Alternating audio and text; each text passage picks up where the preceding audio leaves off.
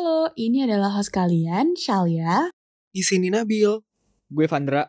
Dan aku Raffi. Dan kami dari kisah alumni. Jika kalian masih baru di sini, kisah alumni adalah tempat bagi para alumni untuk berbagi kisah dan pengalaman mengenai dunia perkuliahan. Hanya untuk kamu.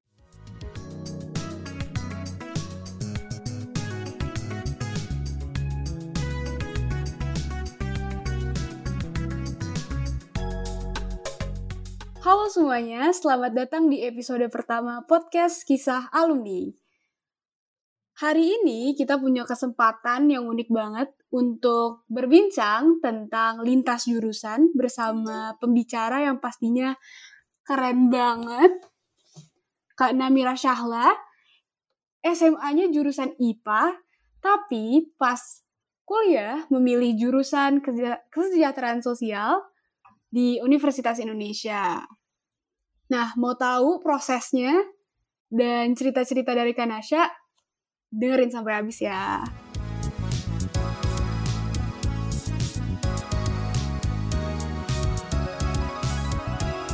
Assalamualaikum Kanasha.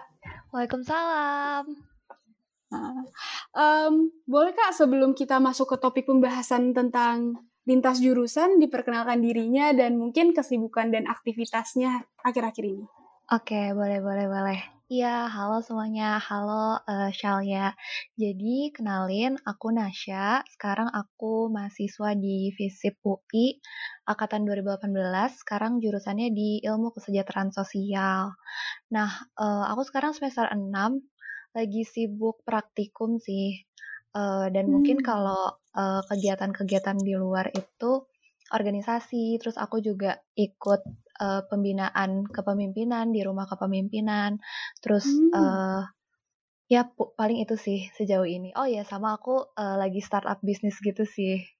Wah, startup bisnis apa tuh kak? Jadi aku sebenarnya ada dua bisnis gitu. Cuma uh, apa ya emang lagi difokusin ke nge-build sebuah fashion industry dan hmm. uh, mungkin di ini ya uh, concernnya ke hijab dan Pokoknya fashion perempuan kayak gitu. Oke, menarik banget tuh kak. Mungkin sekarang bisa kita masuk ke topik pembahasannya ya kak tentang lintas oh, jurusannya. Nah, kapan sih kakak mulai punya keinginan dan memutuskan untuk lintas jurusan? Oke, uh, ini menarik banget sih sebenarnya. Jadi hmm. uh, aku itu waktu SMA itu KTSP dan uh, di situ itu baru penjurusan IPA IPS itu di di kelas 11 ya dua SMA hmm. 11 kan ya hmm. ya nah aku dari dulu sebenarnya mau IPS dan aku pun milih IPS gitu cuma ini ada case suatu case ya aku nggak mau jelasin tentang ini sih intinya mm-hmm. uh, akhirnya aku di IPA gitu ditempatkan di IPA kayak gitu yang mana mm-hmm. aku harus menjalankan itu selama dua tahun uh, belajar di bidang yang sebenarnya bukan aku gitu. Jadi mungkin uh, hal yang harus ditekankan di awal adalah sebenarnya aku tuh udah tahu aku maunya apa gitu. Cuma emang entah uh, apa ya kodarullahnya ditempatkan di IPA kayak gitu. Jadi uh, apa ya? Ketika uh, sudah di IPA pun aku udah punya keinginan untuk lintas gitu loh. Aku nggak nggak ada mm -hmm. mikir untuk oh ya ya udah uh, cari jurusan di IPA yang sesuai kali ya mungkin itu ada ya terlintas cuma karena aku sendiri udah nempatin apa tujuan aku aku tuh mau sosum karena dulu aku mau psikolog dan aku oh. merasa uh, ya psikolog yang aku mau itu jalurnya lewat IPS bukan IPA gitu jadi semenjak -hmm. awal lintas jurusan aku sudah apa ya bertekad dalam diri kalau iya nanti pas kelas 12 aku akan lintas jurusan gitu. Jadi udah semenjak awal penjurusan kayak gitu sih. Oh, Dan jadi hmm? Ya, ya. kenapa? Gak apa lanjut dulu aja. Jadi alasan yang membuat kakak sangat yakin dari awal tuh karena emang udah mau dari awal ya, tapi kaderullahnya di IPA ya kak? Nah bener, cuma mungkin mm -hmm. bukan mau dari awal IPS ya sih, lebih ke aku tahu tujuan utamaku gitu loh. Dan mm -hmm. menurutku way-nya itu, jalannya itu lewat IPS gitu gitu sih. Oh oke. Okay. Tadi kan kakak sempat menyentuh tuh tentang tadinya kakak mau psikologi kan ya? Iya, benar. Nah, tapi kenapa akhirnya kakak malah memilih jurusan kesejahteraan sosial? Oke, okay. ini uh, long short story. Sebenarnya emang pilihanku selama di uh, ujian, di seleksi mandiri, seleksi-seleksi yang aku uh, lalui itu tuh selalu milih mm -hmm. psikologi. Jadi okay. pilihan yang berbeda itu cuma satu dan itu di kesos UI udah gitu. Dan oh. kenapa mm -hmm. akhirnya uh, masuknya ke kesos UI karena sebenarnya emang ya apa ya waktu itu tuh orang tua kan nggak mau aku kuliah di luar. Uh, mm -hmm. Saya nggak nggak boleh di uh, selain Jabodetabek lah gitu. Dan yeah. untuk di SBM berarti susah dong ya uh, apa ya nempatin pilihan-pilihannya akhirnya aku di pilihan kedua itu tetap ambil UI tapi jurusannya bukan psikologi. Aku carilah jurusannya emang relate ke uh, psikologi. Nah, cari-cari-cari ternyata kesejahteraan sosial itu belajar psikologi juga gitu. Dan aku hmm. merasa oke okay, ini mungkin bisa nih aku jadiin pilihan kedua kayak gitu. Dan akhirnya uh, lewat jalur SBM aku keterimanya alhamdulillah di Kesas kayak gitu. Hmm, gitu. Hmm. Kalau untuk lintas jurusan sendiri, ada nggak sih kak keterbatasan memilih jurusannya? Hmm, nggak ada. Oh nggak ada ya? Eh, iya, soalnya aku SBM ya. Karena aku SBM nggak mm -hmm. ada sih, nggak ada. Kalau di zaman oh, aku kecuali bener mm -mm. Kalau undangan? Kecuali kalau kalau undangan, aku kurang tahu sih, aku lupa. Soalnya aku undangan mm -hmm. itu milih psikologi Unpad. Dan hmm. psikologi Unpad itu emang IPA kan jalurnya. Meskipun aku sebenarnya nggak mau psikologi Unpad gitu loh, tapi karena ya udah hmm. karena dapat kuota undangan, terus hmm. aku udah di IPA nih, ya udahlah uh, pilih aja lah yang penting keisi gitu pilihannya. Pun kadarullah hmm. nggak diterima kayak gitu. Sebenarnya nggak ada sih yang membatasi itu terkadang diri kita sendiri kalau aku mikirnya ya.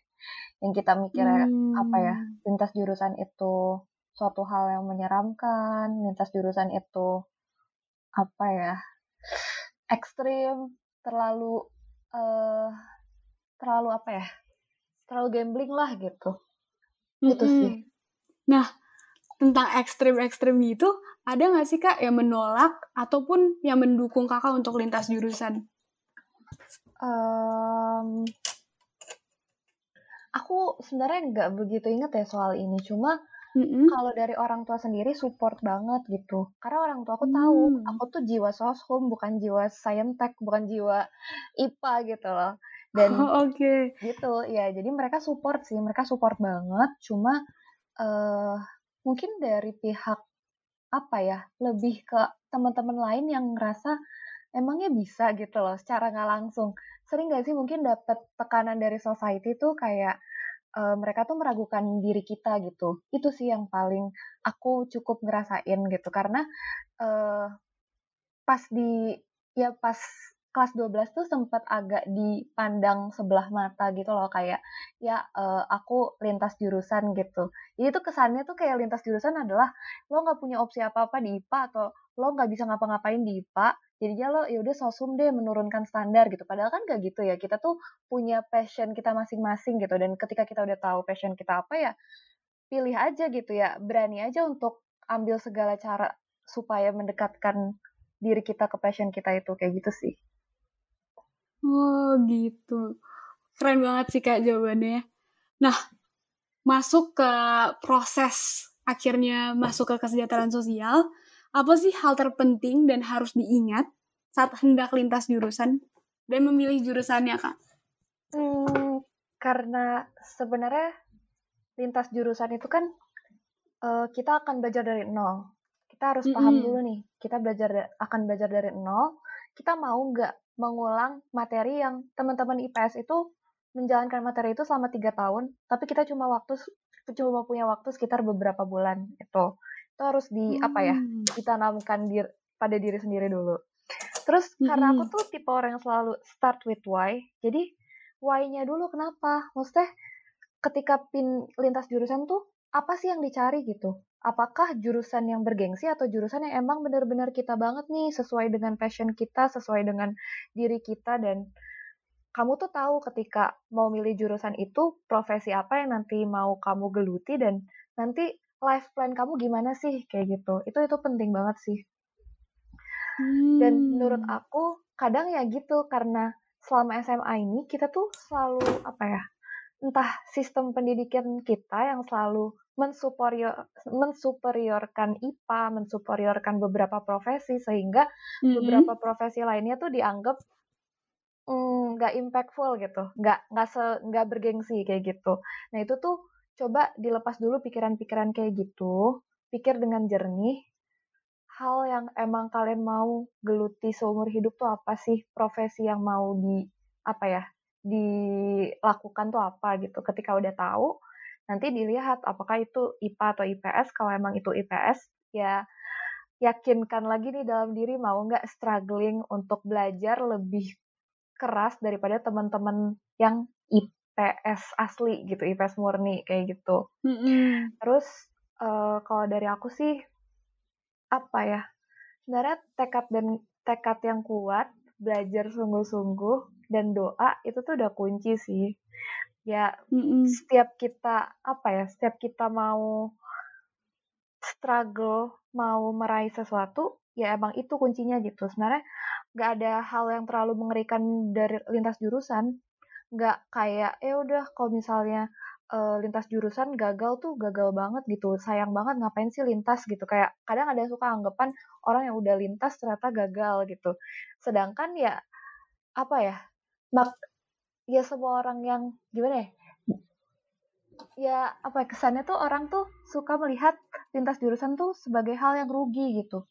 Karena kita udah belajar IPA 2 tahun terus habis itu ini konteksnya IPA IPS ya kita udah yeah. belajar IPA 2 tahun terus tiba-tiba lintas belajar hal lain gitu padahal sebenarnya hmm. itu tuh aset nggak kita kita lihat dari perspektif lain itu tuh kayak ya udah selama hidup kan kita belajar ya apa salahnya belajar hal baru gitu dan nggak ada hal yang rugi ketika kita lintas jurusan mau kita dulu IPA mau dulu kita bahasa mau kita dulu jurusannya agama ya kalau emang uh, itu hal yang sesuai dengan life plan dan kemauan kamu dan itu akan menguntungkan kamu di masa depan ya kenapa enggak gitu kayak gitu sih oke okay. tapi paham nggak poinnya Iya paham. Jadi yang penting tuh harus ada why yang kuat dan pengen struggle ya kak. Itu yang paling penting. Ya. Benar. Karena Betul. kita tertinggal kalau lintas jurusan di hmm. awal. Benar benar benar. Nah masuk nih kan ada ketertinggalan nih di awal nih. Menurut kakak tadi kan harus harus belajar duluan gitu kan. Hmm. Nah bagaimana sih proses belajar kakak waktu itu untuk mempersiapkan segala sesuatunya untuk lintas jurusan? Hmm ya benar-benar hmm, terkait proses, sebenarnya kan yang harus dipahami adalah kita tuh masih di IPA. Kita enggak ketika kita milih lintas jurusan bukan berarti kita meninggalkan amanah kita sebagai pelajar yang uh, uh, dari jurusan IPA gitu. Yang artinya kita masih akan menghadapi UN, IPA, US, ujian sekolah IPA, ujian praktek IPA gitu. Mm -hmm. Nah itu hal yang paling penting sih menurut aku time management ya kita harus hmm. bisa ngolah nih kira-kira plotting waktu kita tuh mau dibanyakin ke mana sih kalau aku sendiri sebenarnya tuh hmm. aku selalu menggunakan waktu libur untuk belajar soshum gitu jadi ketika ada waktu senggang dikit aku akan belajar soshum gitu karena kehidupan IPA aku ini nggak membuat aku nggak bisa belajar soshum gitu loh ketika anak-anak soshum dia belajar hmm. US belajar ujian lain itu kan udah sesuai dengan apa yang nanti mau dia pilih di SBM, di ujian mm -hmm. saksi mandiri gitu. Sedangkan aku harus belajar dua kali jatuhnya iya sih. Jadi kayak time manajemennya tuh harus pinter.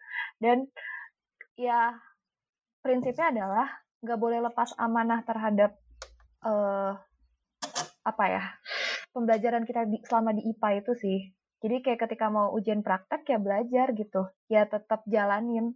Meskipun kita akhirnya nggak berjurusan IPA ya tetap dijalanin kayak gitu.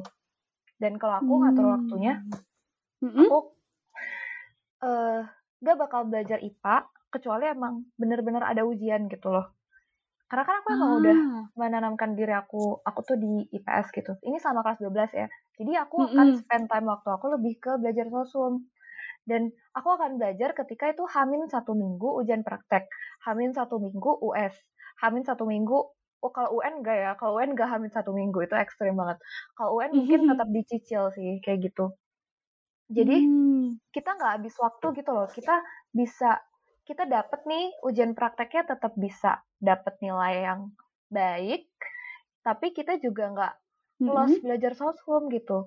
Yang aku lihat ke sama teman-teman aku yang mau lintas jurusan, itu tuh mereka terkadang suka los belajar soshum karena masih ngerasa nih masih ada amanah nih, masih masih masih ada kewajiban untuk belajar IPA kayak gitu. Jadi akhirnya oh, soshumnya diintar-intarin mm. aja deh gitu. Sementara oh, okay. materi yang mau dipelajari kan banyak. Jadi kayak nggak bisa sih kayak mm. gitu, tetap harus dicicil kayak gitu. Oke. Okay. Dan aku udah belajar sosum dari awal. Jadi harus mm starting point aku belajar sosum itu dari, dari awal? semester 1 kelas 12 uh, eh, setelah UTS gitu. Oke. Nah, berarti um, maksud kakak memprioritaskan sosumnya, tapi tidak meninggalkan kewajiban di IPA-nya ya, Kak? Nah, itu benar. Oke. Nah, ada nggak sih, Kak, kekhawatiran yang terjadi saat kakak akhirnya masuk kuliah dengan lintas jurusan? Kekhawatiran-kekhawatiran hmm, itu? Ada. Karena... Apa tuh, Kak? Uh, anak IPA yang lintas jurusan tuh masih sering diambil ngambil jatah eh dianggap ngambil jatah bahkan se teman angkatanku pun juga ada yang memandang aku sebagai ih ngapain sih lo ngambil jatah sosum gitu loh. Padahal kita tuh punya kesempatan yang sama. Kayak mm -hmm. mereka juga kalau mau ambil jatah ke Saintek juga silahkan gitu loh. Kita punya apa ya punya tantangan yang sama gitu. Itu sih. Jadi kayak apa ya lebih ke lagi-lagi tekanan society ya. Kayak mm -hmm. ya takut dianggap ambil jatah terus juga takutnya kalau pas kuliahnya mereka nih aku, aku akan kuliah sama teman-teman yang udah belajar sosum tiga tahun gitu. Apakah kualitas belajar sosumku tuh akan sama dengan mereka? Apakah aku bisa ber beradaptasi dengan pola belajar sosum yang berbeda sama saintek? Kayak gitu sih. Karena kan sosum akan -hmm. lebih banyak baca. Saintek saintek nanti lebih apa ya lebih ya latihan soal kayak gitu. Jadi itu sih mungkin yang aku khawatirkan takutnya nggak bisa beradaptasi dengan pola belajar terus society yang kayak nganggep apa sih gitu lo ngambil jatah mm. gitu mm -mm. itu sih jadi tekanan society dan pola belajar yang berbeda ya kak ya oh benar nah tadi udah ada membahas kekhawatiran sekarang ada nggak sih peluang atau kesempatan baru yang kakak dapatkan dari lintas jurusannya? Jujur ada banget apa ya? Uh, aku ngerasa aku beruntung gitu. Aku beruntung, hmm. aku ngerasa meskipun aku ditempatkan di jurusan IPA yang aku nggak mau gitu loh. Tapi -hmm. aku at the end aku ngerasa kayak alhamdulillah gue IPA gitu. Karena IPA tuh bener-bener membentuk mindset aku untuk thinking analytically gitu loh. Jadi kayak ketika menghadapi soal-soal matdas, matematika dasar, atau TPA dulu tuh ada soal kayak psikologis gitu ya, atau apa sih uji numerik gitu-gitulah. Mm-hmm. Uh, itu tuh aku jauh lebih menang daripada anak yang emang aslinya sosum gitu. Karena aku udah dibentuk nih pola pikirnya, pola pikir saintek yang uh, aku nggak bisa mendefinisikan ya. Cuma jadi bisa intinya uh, aku dapat nilai plus di sini untuk persiapan SBM kayak gitu. Karena uh, dapat pola pikir yang baik dari belajar sains gitu. Kan belajar hmm. sains dan sosum beda ya. Maksudnya sains tuh kita uh, ya lebih analitik lebih ilmiah lebih logis gitu. Dan itu tuh jadi apa ya bekal banget gitu untuk SBM kayak gitu dan karena aku belajar dua dua ilmu aku belajar IPA aku belajar IPS aku ngerasa lebih ke ini sih.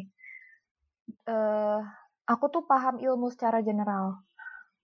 Maksudnya meskipun aku hmm. aku nggak nggak jago-jago hmm. banget sih di IPA, cuma aku bisa ketika di kuliah, ketika konteksnya luas, ketika membahas tentang lingkungan, kesehatan itu tuh aku relate gitu karena aku dulu anak IPA dan pernah tahu hal-hal yang seperti itu gitu kan kuliah tuh kita benar-benar belajar tanpa batas gitu. Ilmu yang masuk ke kita tuh ya macam-macam gitu dan dengan bekal aku dulu IPA itu tuh jadi peluang banget untuk lebih mudah paham kayak gitu.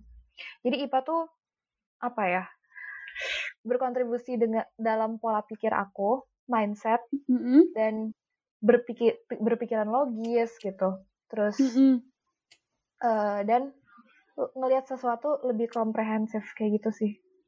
Jadi pembeda juga dengan mungkin anak-anak yang dari IPS sebelumnya ya kak? Mungkin. Benar. Mm -mm. Nah, tadi kakak sempat ngebahas tentang proses-proses ujiannya tuh. Ada yang, itu ada apa aja sih kak? Untuk urutan-urutan ujiannya waktu kakak mau lintas jurusan? Oke, okay. seleksinya ya? Mm -mm, iya. Uh, jadi setelah udah menetapkan diri untuk lintas jurusan, kita sebenarnya sebagai anak IPA punya banyak kesempatan. Bahkan di SNMPTN jalur man, uh, jalur undangan itu kita punya kesempatan untuk lintas jurusan kalau emang kita mau dan kalau emang ini ada kebijakan sekolah masing-masing sih. Kalau emang mm -hmm. sekolahnya itu membolehkan kayak gitu. Oke. Okay. Itu ada di undangan. SNMPTN itu undangan PTN. Jadi kayak uh, apa ya? Dari nilai gitu loh. Dari nilai hmm. dari semester 1 sampai 5. Nah, terus yang kedua ada undangan tapi mandiri. Itu biasanya aku lupa namanya apa ya kalau UI. UI itu PPKB. Nah, itu juga oh, iya. anak IPA juga punya kesempatan untuk uh, apa? Untuk uh, ikut PPKB yang sosum juga itu bisa asal mau gitu. Dan asal dibolehin sama sekolah. Terus kalau uh, ujian tulisnya itu aku kurang tahu sekarang masih ada nggak ya IPC. IPC itu kita belajar dua-duanya belajar IPA, belajar IPS juga. Jadi nanti ujiannya hmm. ada ujian IPA, ada ujian IPS. Cuma kalau aku langsung terjun ke ujian IPS gitu. Itu kalau misalnya oh, gitu. mau pilihannya itu ada pilihan IPA, ada pilihan IPS juga gitu. Tapi aku langsung hmm. IPS kayak gitu. Dan okay. itu yaudah yang diuji kemampuan dasar, bahasa hmm. Indonesia, bahasa Inggris, matematika, dan uh, eh, IPS-nya gitu. Gitu. Oh, Oke. Okay. Nah, Gimana sih Kak perasaannya setelah lintas jurusia, jurusan dan kuliah? Apakah merasa berhasil? Hmm, aku nggak tahu sih indikator berhasil dari lintas jurusan apa ya. Cuma aku lebih ngelihat mm -hmm. ngelihat dari kacamata yang lebih luas sih. Maksudnya aku berhasil menemukan uh, apa ya ilmu yang emang aku banget gitu lah. Jadi mm-hmm. secara nggak langsung lintas jurusan ini berhasil di aku gitu. Tapi aku nggak tahu berhasil nggak di orang lain yang emang dia berhasil masuk ke jurusan yang dia mau lewat lintas jurusan. Tapi apakah itu memang benar-benar uh, ilmu yang dia mau gitu? Aku nggak tahu ya kalau konteksnya orang lain. Tapi kalau di aku sendiri aku ngerasa berhasil. Karena ya meskipun jurusan ini bukan jurusan yang aku mau ya. Dulu aku pengennya psikolog. Aku dulu psikolog mm-hmm. harga mati, tapi sekarang aku jadinya masuk mm-hmm. di kesos aku ngerasa hmm. bersyukur banget sih aku milih kesos padahal dulu aku nggak tahu kesos tuh apa gitu aku bersyukur banget aku lintas jurusan terus tiba-tiba milih kesos yang entah apa gitu terus akhirnya ya aku uh, dengan bekal aku waktu lintas jurusan pengalaman aku selama lintas jurusan itu tuh ngebentuk diri aku saat ini gitu loh supaya jadi lebih mm -hmm. struggling lebih lintas jurusan kan butuh kemauan kuat ya Nah itu tuh aku ngerasa itu apa ya bekal kehidupan aku banget. Jadi kayak nggak ada yang nggak mungkin loh. Lo aja bisa waktu itu lintas jurusan dan lo keterima gitu. Kenapa nggak hmm. untuk nyoba kesempatan-kesempatan lain gitu? Kayak gitu sih. Jadi, Jadi kayak lebih, lebih ya kak. Uh -uh, bener. Kayak gitu. Hmm. Jadi uh, perasaannya fulfilling banget ya kalau misalnya emang pengen banget itu ya kak. Bener. Dan punya alasan yang kuat. Benar, nah, nggak kerasa banget nih, udah 23 menit Kak nih kita ngobrol. Ada nggak oh, sih Kak iya. kesan-pesannya terakhir sebelum kita akhiri pembicaraan pembicaraan ini? Uh, apa ya, sebelumnya aku minta maaf banget kalau misalnya nanti, tadi tuh uh, kata-kata aku ada yang belibet. Mm -hmm. Cuma uh, aku juga. Aku seneng banget sih bisa diajak untuk diskusi kali ini dan pesan aku buat teman-teman yang mau lintas jurusan, jangan takut yang penting sih mm, aku sih selalu mengconcernkan bukan di lintas jurusannya ya, tapi apakah tujuan itu tujuan yang emang benar-benar kamu mau sesuai dengan life plan kamu atau enggak gitu. Jadi silahkan temukan passion, bukan temukan passion ya. Sebenarnya selama kita hidup kita akan selalu mencari passion. Cuma lebih ke silakan temukan target yang kalian mau dan uh, tekadkan dalam diri karena lintas jurusan nggak main-main dan ya buat kalian yang lintas jurusan maupun yang tidak silakan berjuang keras silakan belajar uh, semampu kalian semaksimal kalian dan uh, banyak doa kayak gitu sih mungkin pesan aku simple sih okay. cuma itu kalau emang bener-bener bisa diterapkan insya Allah mm -hmm. dapat sih ke mana pun kalian mau gitu maksudnya dalam setiap fase kehidupan kalian yang namanya ikhtiar dan doa itu udah paket komplit untuk dapetin hal yang kita mau kayak gitu sih ikhtiar dan doa ya kak Betul. Oke, terima kasih banyak kak udah mau berbagi kisahnya, oh. ceritanya dan pengalamannya untuk kita di episode pertama ini. Oke. Okay. Untuk semuanya, sampai jumpa di episode selanjutnya mungkin episode selanjutnya akan diupload minggu depan atau kita nggak tahu. Tapi terima kasih sudah mendengarkan. Jangan lupa ditunggu episode selanjutnya. Terima kasih. Terima kasih.